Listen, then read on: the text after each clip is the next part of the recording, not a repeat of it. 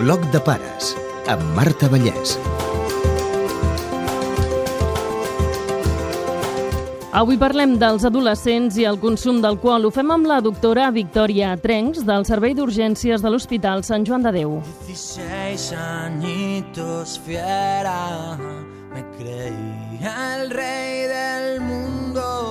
Alguns nois i noies comencen molt aviat, no arriben ni tan sols a l'adolescència. Comencem a veure intoxicacions etíliques a partir de 12. A mesura que augmentem, veiem major proporció. El pic està normalment entre els 15 i 16 anys. Després dels més grandecs en veiem menys, perquè també jo suposo que ja estan més acostumats a controlar una mica més, o molts ja són derivats a centres d'adults. S'està mantenint al voltant de l'1% de les consultes d'adolescents a urgències. Veiem que quan més gran és el nen, més consultes hi ha. Potser les noies consulten abans per intoxicació etílica que els nois. I sovint passa sempre al voltant del cap de setmana. Veiem nanos de tots els nivells socials i amb tots els nivells d'estudis. El típic és un adolescent sense preferència de sexe al voltant dels 15 a 16 anys que arriba a un prefestiu o un divendres o a vegades dissabte al vespre amb una intoxicació etílica. Nois i noies arriben igual?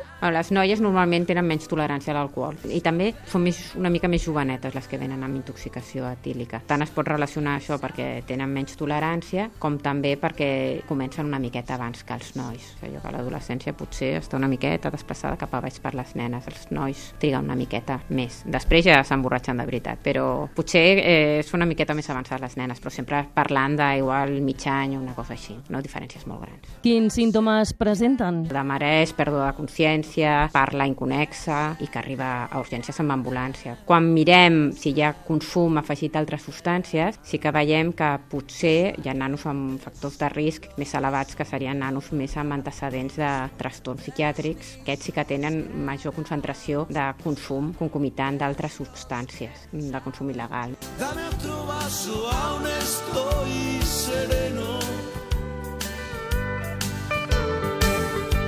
Quiero beber hasta perder. I és que per passar-ho bé diuen que necessiten veure i agafar el punt. Actualment, els joves ja que hi ha una forma de divertir-se que és anar a prendre alcohol per prendre alcohol i és a qui pren més, quan arribes a estar més content, entre cometes, del que és el consum. Els nanos mm, depèn de l'edat i també de les seves característiques físiques, uns tenen més tolerància que els altres. La majoria de nanos els veiem dintre d'un context recreatiu, eh, que és la seva manera de passar-s'ho bé, anar a veure, o jocs d'aquests d'alcohol que fan preguntes i el que veu més és el que van afegint, afegint, no controlen i, i de seguida s'emborratxen. Què es fa quan arriben a urgències? Serveis d'urgències el que intentem veure és si és un primer episodi o és un nen reconsultador en el moment. Un episodi puntual, el que intentem és redreçar la situació en aquell moment, eh, es tracta el nano i bueno, es parla una miqueta amb els familiars per veure com està la situació i que facin un seguiment. No acostumem a donar d'alta cap nano que no hagi recuperat totalment el coneixement. Normalment els tenim aquí amb observació i quan el nen ja té una reacció normal se li dona l'alta. A vegades es triguen estona. Si el nen està en un coma etílic, normalment clar, cal fer una analítica, es miren els nivells d'alcohol i depèn del nivell que té, doncs han de ser més hores i a vegades s'ingressa. I hi ha casos especialment greus. Quan detectem un nen que reconsulta pel fet de la intoxicació, o bé són intoxicacions etíliques greus, o bé hi ha coexistència de, a part de l'alcohol, de consum d'altres drogues, a més de tractar la situació, el que intentem és oferir a la família un suport, hi ha també un servei aquí mateix a l'hospital, de seguiment d'aquests nens amb risc d'abús de substàncies psicoactives. Són casos molt puntuals, són nanos que els pares expliquen que estan desbordats per la situació o nens amb intoxicacions molt greus. No, i el que es fa per res amb el servei de psiquiatria que té una àrea específica de seguiment de nanos amb consum de drogues d'abús, que a part de l'alcohol hi ha normalment altres substàncies, que una comorbiditat, normalment tenen altres antecedents que fan per seguiment. Un consum aïllat d'alcohol no fa un seguiment, perquè si no en tindríem, bueno, moltíssims.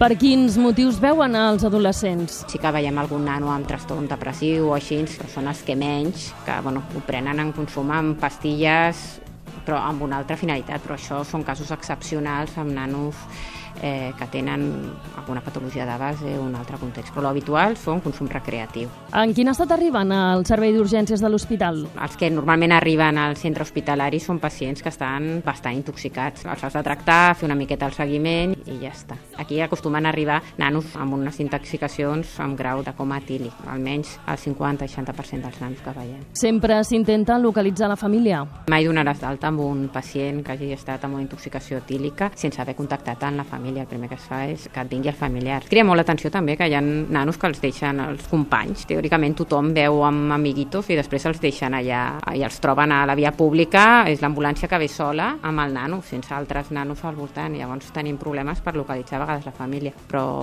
es mira per tots els mitjans i sempre ve algun familiar. Com reaccionen els pares quan reben la trucada? Des dels pares que són permissius i que pensen que tothom un cop o un altre a la vida li ha passat això, a altres que es veuen molt preocupats. Tampoc escandalitzem, a veure, un fet puntual, bueno, un avís, eh? però tampoc cal criminalitzar en aquests nanos, eh? perquè vulguis que no, sí que és veritat que molt del nostre jovent veu i fora i ho admet, eh? aquí arriba el que es diu la punta de l'iceberg, però hi ha molta canalla que es diverteix amb això, potser s'ha de recanalitzar la forma en què es diverteix la nostra joventut. Els pares, bueno, fa un avís, no criminalitzem, si és un fet puntual. Com pot ser que menors de 18 anys arribin en coma etílic si a la seva edat no poden comprar alcohol? Tenen facilitat per trobar alcohol. Les barreres existents que teòricament no es podria vendre, almenys aquí en el nostre medi fins als 18 anys, doncs no funcionen. O ho compren tipus botellón en el supermercat, o a vegades també hi ha estratègies, sempre hi ha adolescents que semblen més grans del que són, no es demanen els carnets amb els diferents centres on van i ho poden aconseguir. L'alcohol també deriva en altres situacions de perill, com accidents o baralles. Nosaltres veiem el que és la intoxicació directa i també nens amb intoxicació que arran d'anar borratxo té una caiguda i llavors té un traumatisme cranial, alguna fractura en un altre lloc que també s'ha de tractar. O baralles derivades de la intoxicació perquè també s'engresquen més i es tunyinen uns als altres. Quan et lleves un estrany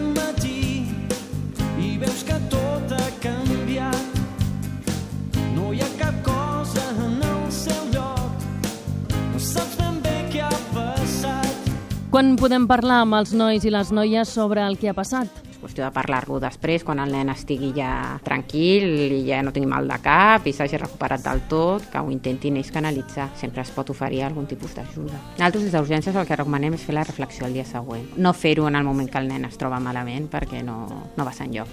Hi ha noves formes de consumir alcohol impactants. Es posen alcohol directament a la conjuntiva i això en principi s'absorbeix i que es col·loquen abans, que agafen el punt d'alegria que volen trobar d'una forma més ràpida. Tots són invencions, igual que és lo del tàmpax on de rocs, que és posar alcohol en el tàmpax les noies i també s'absorbeix pel que és la mucosa vaginal. Busquen maneres d'arribar a trobar-se amb la situació d'alegria o del puntillo que volen agafar amb l'alcohol i que no, no els enxampin els pares o els educadors, perquè així s'eviten el que és l'olor a, a alcohol. També hi ha una forma ara que és inhalar, com si es prenguessin un inhalador. Com els nens que tenen asma, doncs hi ha com unes màquines que fa un spray i llavors ho inhales, com si ho absorbeixes. Pots tindre irritació també a nivell de les mucoses. I molt perillós. És gaire bo, de barrejar les begudes energètiques amb l'alcohol. Aquestes sí que et poden tindre problemes, conseqüències més importants, que poden tindre molta acceleració cardíaca i altres coses que, no, que poden tindre conseqüències posteriors. Això se'ls ha d'intentar treure del cap en els nostres adolescents. Com podem prevenir aquestes situacions? Han de veure el que és un consum d'alcohol responsable, igual a casa poden veure que, a veure, beure una miqueta de vi de tant en quant no passa res, o les celebracions familiars. Antigament era un consum més diari, potser, i menys quantitats. Ara veiem que els nanos no veuen mai res i de sobte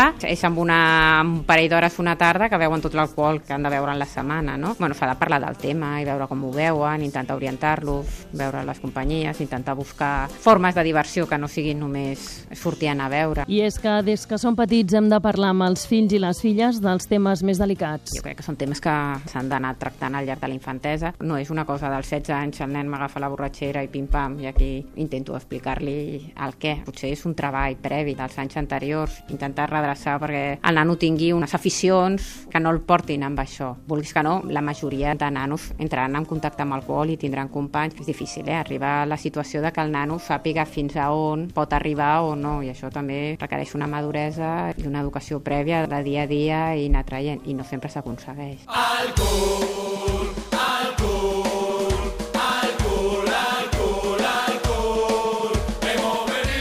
Per intentar conscienciar dels perills de l'alcohol s'han fet durant molts anys diferents campanyes.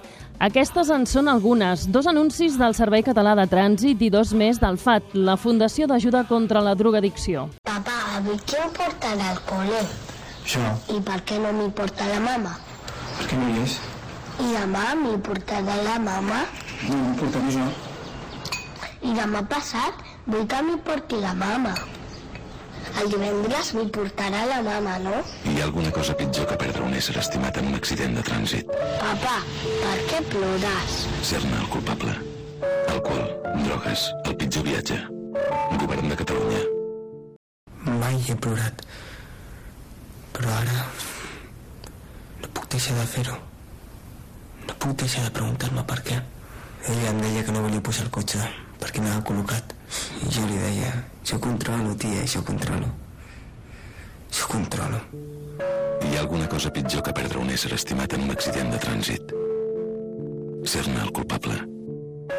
Alcohol, drogues, el pitjor viatge. Govern de Catalunya. Oye, perdona, dime cuánto te debo, por favor.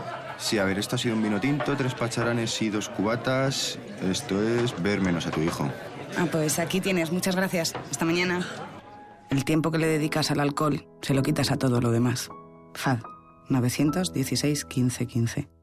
¡Camarero! ¿Me cobras por aquí, por favor? A ver, me has pedido un tercio, dos gin tonic y un ron cola.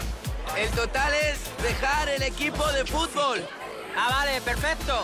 Cóbrate aquí. Gracias. El tiempo que le dedicas al alcohol se lo quitas a todo lo demás. FAT 916 15 15. Camins que ara s'esvaeixen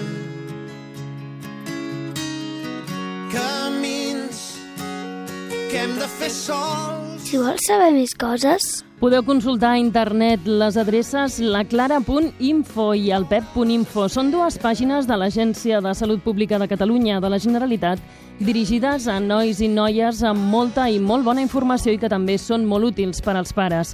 I a la pàgina de l'Associació Espanyola de Pediatria, a epet.es, trobareu la revista Anales de Pediatria amb informes i estudis sobre joves i consum d'alcohol. També trobareu força informació al web de l'Hospital de Sant Joan de Déu. És una cosa puntual i tenim una bona relació amb el nostre fill, intentar encarar-lo com hem anat encarant tots els altres temes que han anat sorgint al llarg de la seva vida. No? Si ja és un nen que tenim problemes a parlar amb ell, segurament no serà l'únic problema que tingui. Potser necessitem una miqueta d'ajuda professional a vegades.